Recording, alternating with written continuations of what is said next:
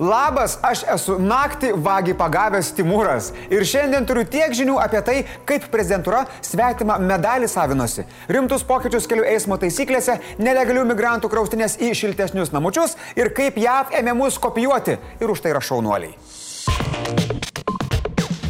Mūsų prezidentas, tiksliau jo vardu kalbėjusi patarėja Astas Kaisgrytė, truputį persistengė, kabindama savo laurus. Panašiai kaip Brėžnevas darė su medaliais.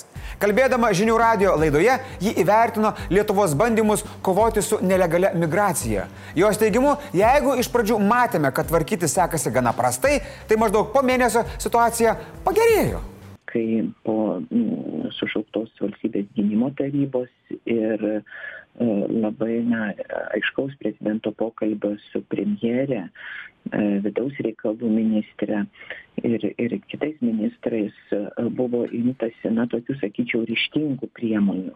Ryštingomis priemonėmis Skaisgirytė vadina apgrėžimo politiką ir fizinio barjero statymą. Po šio pokalbio įvyko šioks toks, nu, žodinis apsistumdymas. Štai premjerė Facebook'e sako, bandanti prisiminti tą aišku pokalbį. Ir išreiškia vilti, kad gal vis dėlto nebereikalo tikisi, jog kiti politikai, o ypač jų vardų kalbantieji, vertins savo nuopelnus su tinkamu saiku. Kitaip tariant, tas aiškus pokalbis nebuvo toks aiškus, ne? Kad prezidentūra ne tik, kad nekalbėjo aiškiai, bet iš vis nelabai ką kalbėjo, pasakė ir vidaus reikalų ministrė Agne Bilotaitė. Jos teigimu, krizę suvaldė vyriausybė, o kitos institucijos tiesiog nori pasišildyti šlovės spinduliuose. O. Į prezidentūros žinutę sureagavo ir Seimo nacionalinio saugumo ir gynybos komiteto pirmininkas Laurinas Kaščiūnas. Cituoju. Kalbėdama apie pačią įvykių chronologiją, prezidento patarėja, švelniai tariant, nėra tiksli. Čia švelniai tariant. Pasak jo, prezidento institucija būtent tame pokalbėje ragino neskubėti su apgražimo sprendimų prieimimu, taip pat vėliau rimtai leido suprasti, kad svarsto vetuoti tam būtinas užsieniečių teisinės registracijos įstatymo pataisas. Kaip atsakytų gerbiamas Michaelas Scottas. Well, well, well. How the turntables Kaščiūnas pasidžiaugė, kad prezidentūra dabar nuosekliai remia priemonės hybridiniam Baltarusijos režimo spaudimui atremti. Jis paragino išlaikyti visų valdžios šakų ir institucijų sutelktumą, nes tikrieji varžovai yra už sienos. Man atrodo, kad prezidentūra vienybės simbolį, tai yra kumšti, vaizduoja va taip. Visi kartu.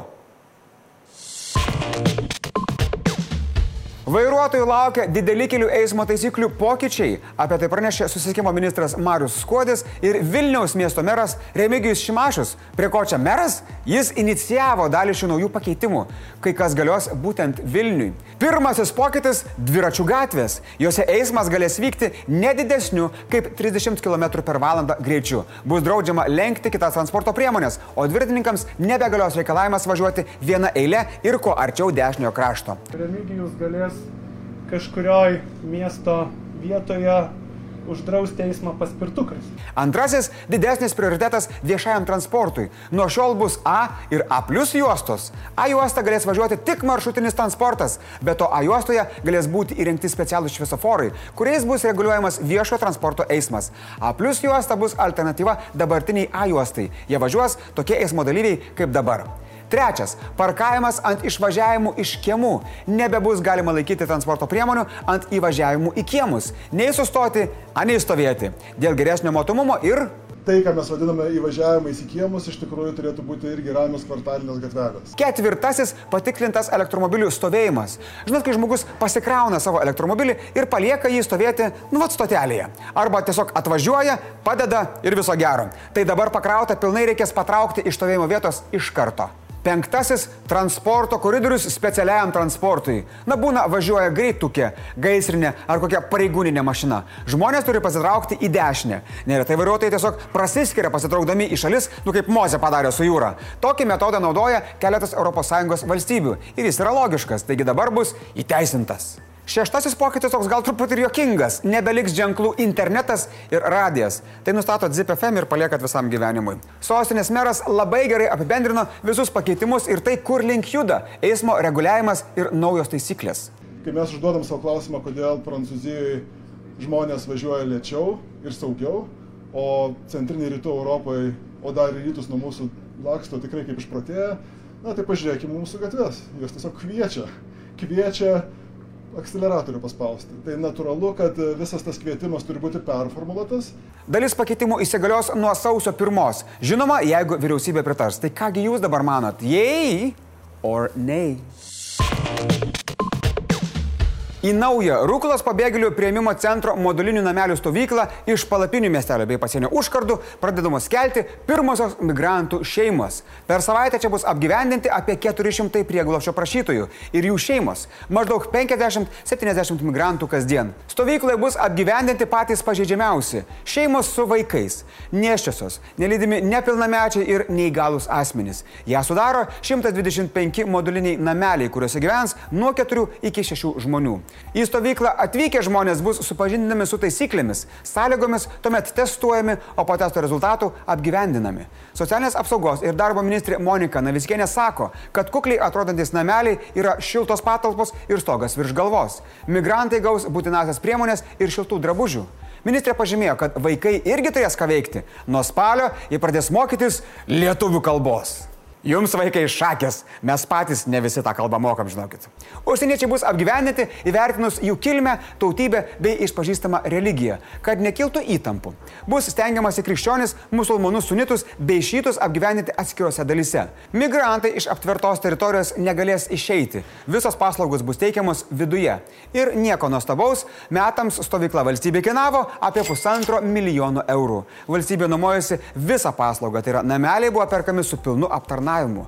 Kadangi migrantai nekarta yra išreiškę nepasitenkinimą jiems teikiamu maistu, stovykloje įrengta virtuvėlė, kur galės gamintis patys, o maisto produktus galės įsigyti esančioje parduotuvėje. Kas mėnesį jiems bus mokama 77 eurų pašalpa maisto prekiams. Na, o kalbant apie vis dar į Lietuvą norinčius patekti migrantus, praėjusią parą tai nesėkmingai bandė padaryti per 20 žmonių.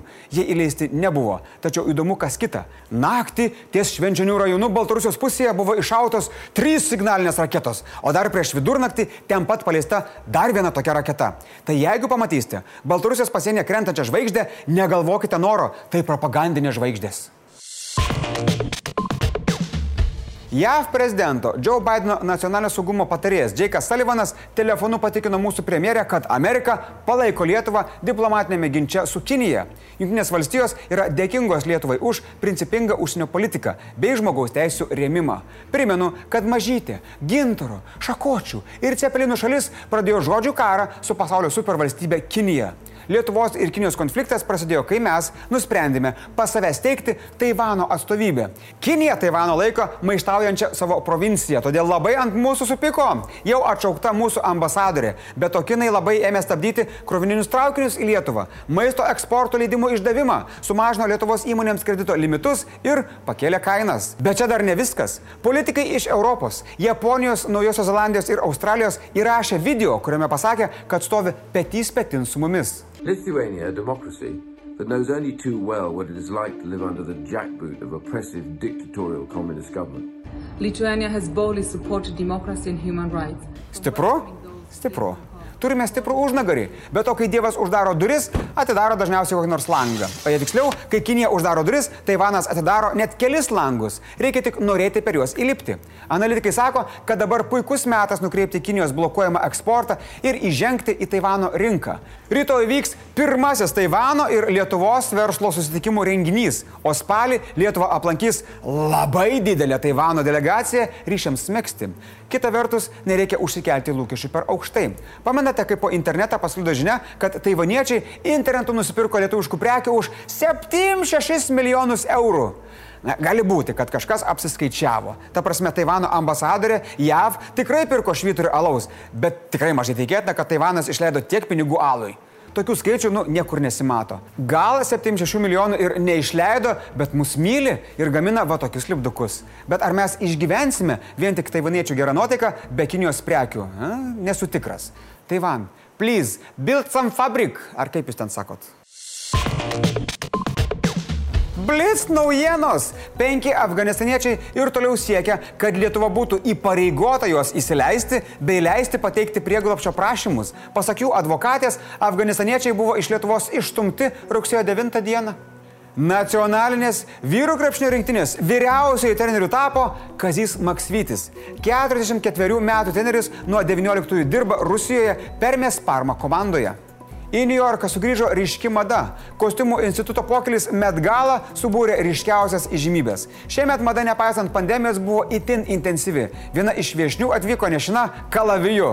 Kai kurie pasinaudojo progą paskleisti žinutę. Be ne labiausiai akį traukė Kim Kardashian su Balenciaga mados namų sukurta suknelė.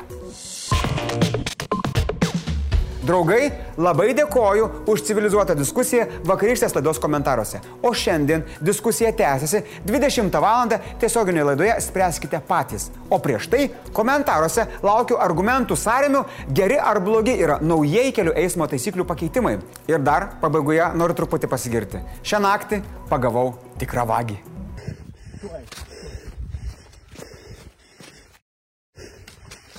Šiandien tiek žinių, rytoj čia bus Irma.